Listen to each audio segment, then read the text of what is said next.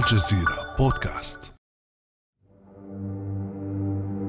أربعة أشهر مرت والمدافع صامتة وعيون الليبيين معلقة على نتائج حوار متعدد المسارات يحظى بدعم دولي قد ينهي حربا استمرت عشر سنوات. فمن المغرب إلى سويسرا إلى ألمانيا إلى مصر وصولا إلى تونس. مطلع نوفمبر المقبل يسابق الفرقاء الليبيون الزمن في محادثات ماراثونية غير مسبوقة بهدف التوصل إلى حل سياسي للأزمة الليبية.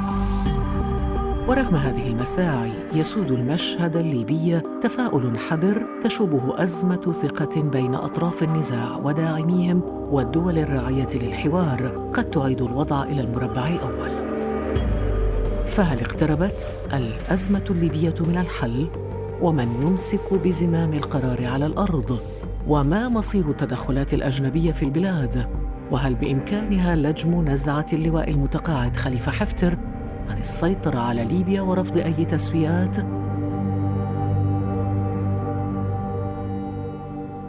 بعد أمس من الجزيرة بودكاست أنا خديجة بن جنة.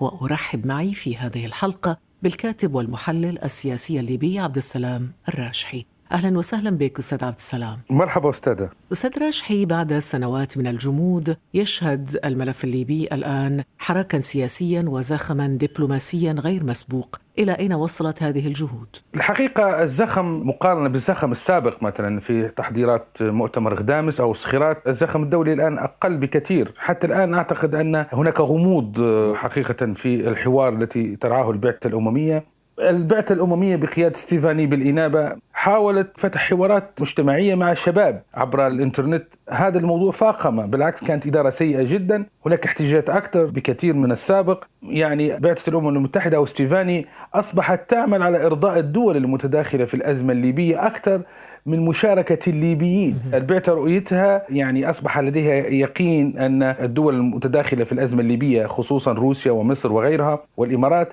هي التي لديها النفوذ ولديها القدرة على إفشال أي عملية سياسية أو حوار سياسي بحكم أنها مسيطرة وداعمة لخليفة حفتر أصبحت تعطيهم أولوية أكبر. يعني أحيانا مجاملات فوق اللازم. نعم ما مصلحة البعثة الأممية في اختيار القاهرة كمكان لعقد هذه المحادثات؟ هي استرضاء فقط استرضاء للقاهرة وإظهارها بأنها لا زالت لاعبة في إدارة الأزمة الليبية. يعني بعد النفوذ الروسي التركي أصبحت القاهرة ضعيفة جدا. أصبحت القاهرة يعني الحوارات الكبرى تحدث بين روسيا وتركيا. من حدد وقف إطلاق النار ليس المصريين بل الأتراك والروس، يعني بعد رفض حكومة الوفاق الوطني أن تكون هناك حوارات المسار الامني والعسكري في مصر. لأن مصر متداخلة في الأزمة الليبية والطرف في الصراع في ليبيا بدعم مباشر لخليفة حفتر. البعثة لاسترضاء النظام المصري نقلت حوار المسار الدستوري والانتخابي إلى القاهرة. هذا ممكن نتقبل أنه بحكم أنها دولة جوار. المشكلة الأكبر أن ماذا فعل النظام المصري؟ رئيس جهاز المخابرات العامة المصري اللواء عباس كامل هو من افتتح هذه الجلسة وأصبح ينظر على الليبيين واختزل المشكل والصراع في ليبيا والأزمة الليبية فقط في الاتفاق الليبي التركي في خص الأمور الأمنية والعسكرية بعد العدوان على العاصمه طرابلس. طيب حتى نكون واقعيين يجب أن نقول أنه ليست القاهرة وحدها مكان للمحادثات، كان هناك المغرب أيضا. هل تعدد المسارات السياسية في عواصم عديدة ومختلفة هل يسهل أم يعقد الحل برأيك؟ للأسف الشديد هذا السلوك مارسته البعثة عندما كان غسان سلامة هو المبعوث الأممي لليبيا. كان هناك المسار ما يسمى بتوحيد المؤسسة العسكرية ترعاه القاهرة. في نفس الوقت كان هناك مسار للتفاوض على تسمية المسؤولين في المناصب السيادية السبعة التي كانت في تونس، كان هناك حوار في الجزائر، كان هناك حوار يخص المسار الدستوري كان في سلطنة عمان، والنتيجة كانت انهيار المفاوضات وانهيار الحل بالكامل، يعني البعثة تعيد نفس التجربة بتمطيط المسارات. وأضافت مسار إضافي وهو مسار الاقتصادي، كانت احدى جلساته في القاهرة وأصبحت جلساته عبر الإنترنت بسبب جائحة كورونا. فأعتقد إن حتى الآن البعثة أعتقد لديها standard واحد أو روشيتا واحدة للعلاج في ليبيا. لا تريد تغييرها وتعطي المريض نفس الدواء. والتجربة نرى أنها فشلت في المرحلة الأولى. لكن المغرب وصف مخرجات بوزنيقة بأنها تاريخية.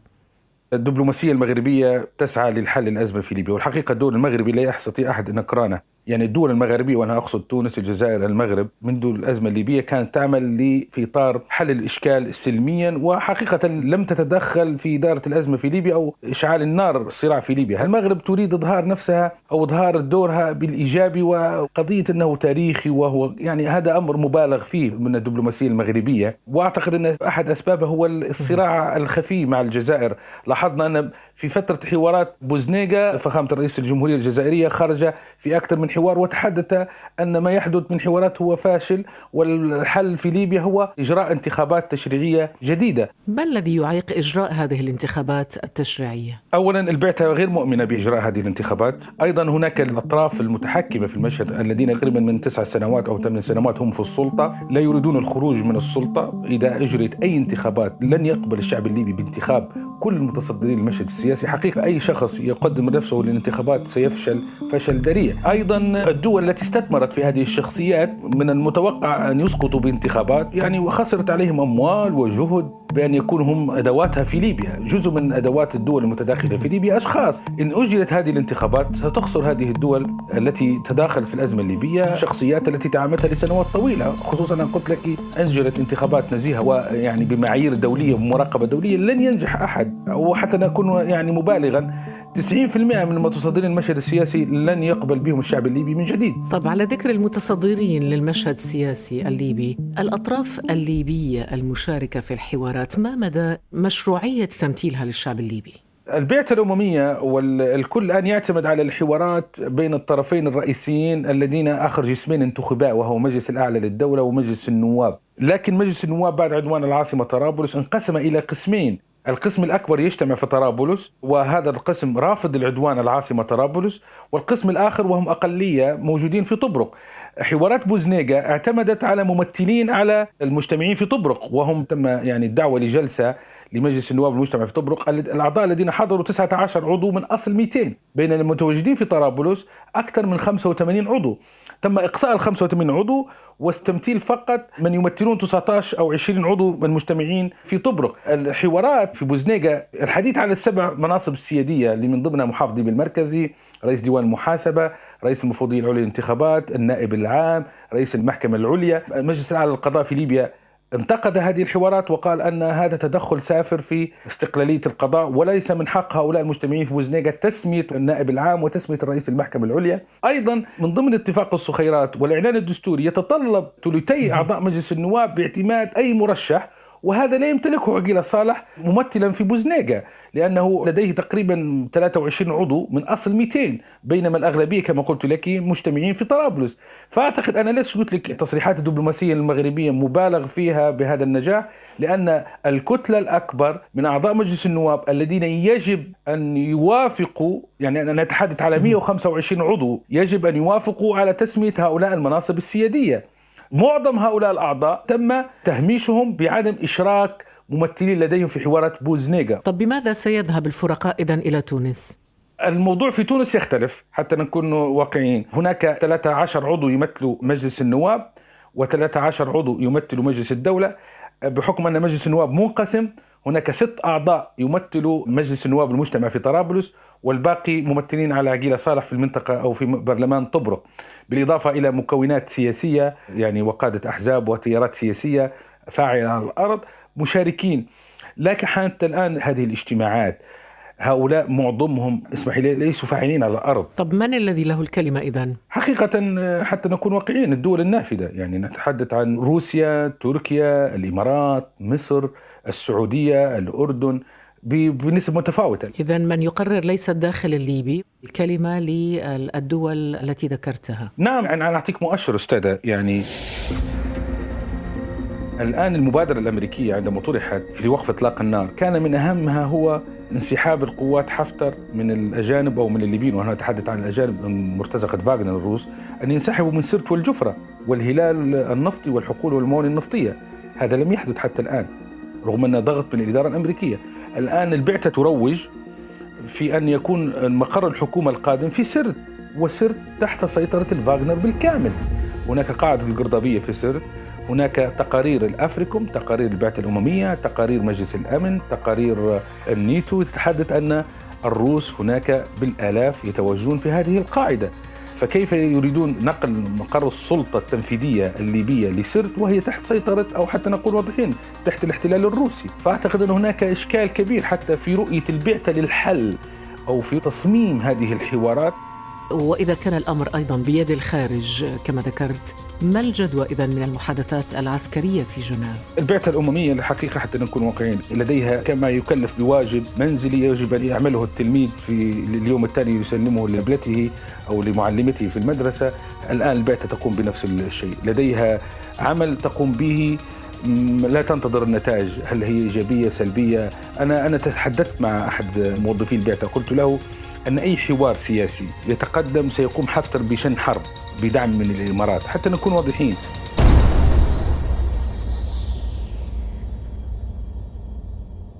كان هناك مؤتمر غدامس كان عليه زخم كبير من الدول الكبرى كان الأمين العام للأمم المتحدة في طرابلس وزار حفتر لمبارك هذا المؤتمر والذي رعته البعثة وعملت عليه حوار مجتمعي ظل لأكثر من سنة. استطلعت آراء أكثر من 16 ألف ليبي برؤيتهم للحل في ليبيا. وأصدرت تقرير وكانت خلاص هذا التقرير سيتم اتخاذه في مؤتمر غدامس في إبريل 2019 الإمارات ومصر والسعودية وحفتر وفرنسا يعني لم يرق لها نتائج هذه الحوارات فاشعلت حربا.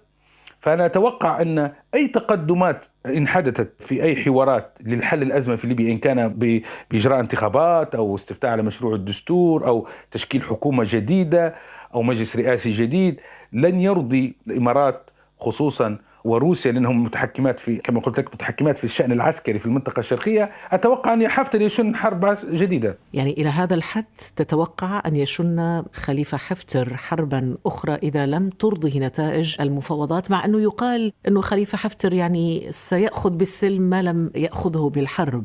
لا لا لا. يعني لابد أن ندرس شخصية حفتر. حفتر منذ 51 عاما يطمح للسلطة. هو أحد شركاء القذافي في انقلاب 69 وعمل لإطاحة بالقذافي في الثمانينات والتسعينات. ثم شارك في ثورة 17 فبراير لإسقاط القذافي ليستولي على السلطة.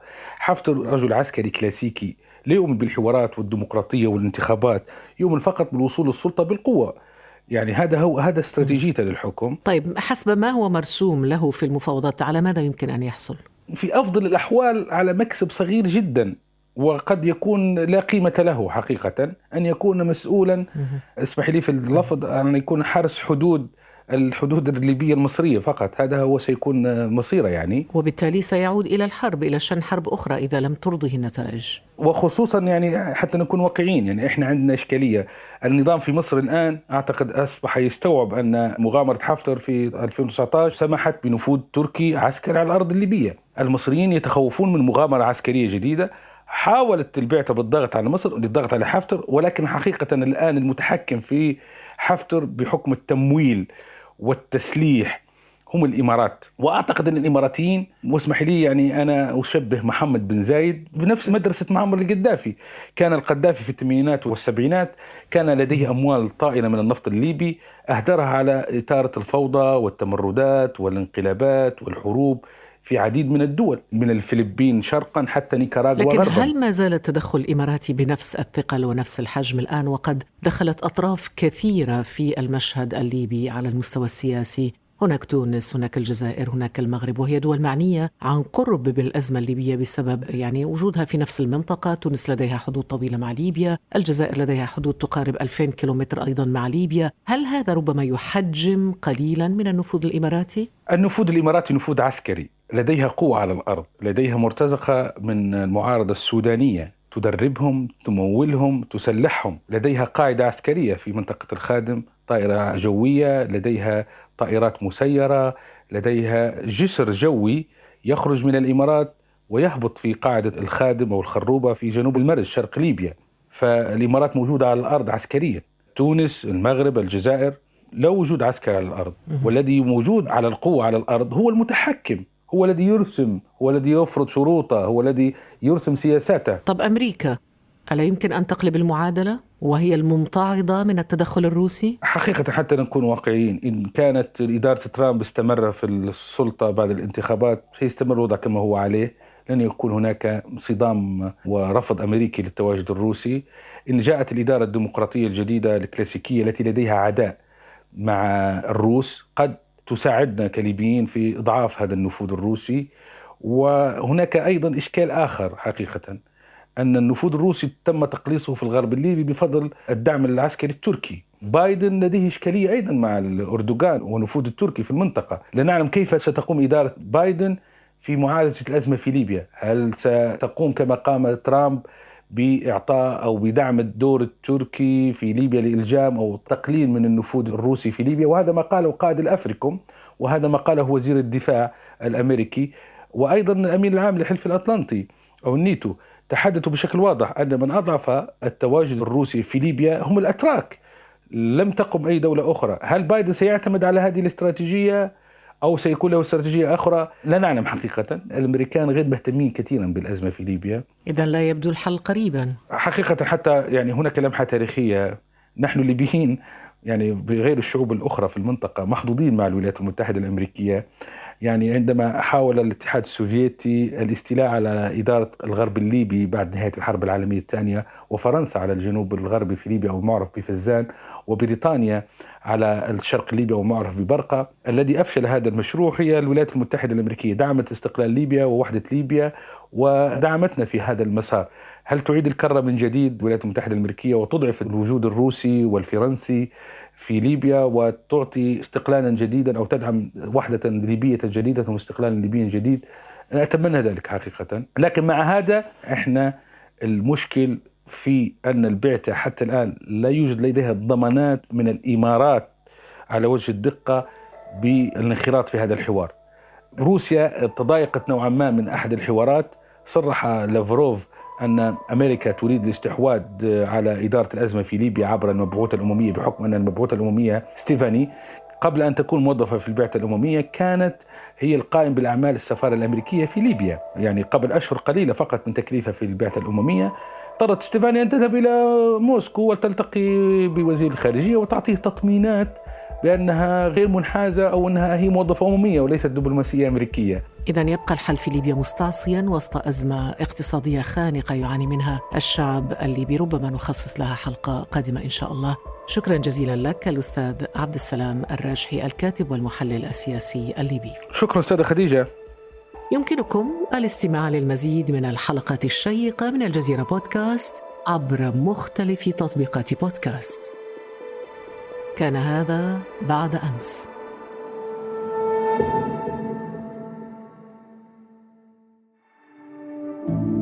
بعد أمس يأتيك صباح كل يوم مع فنجان قهوتك. لا تنسى تفعيل زر الاشتراك في تطبيقك لتصلك الحلقات الجديدة في الصباح الباكر.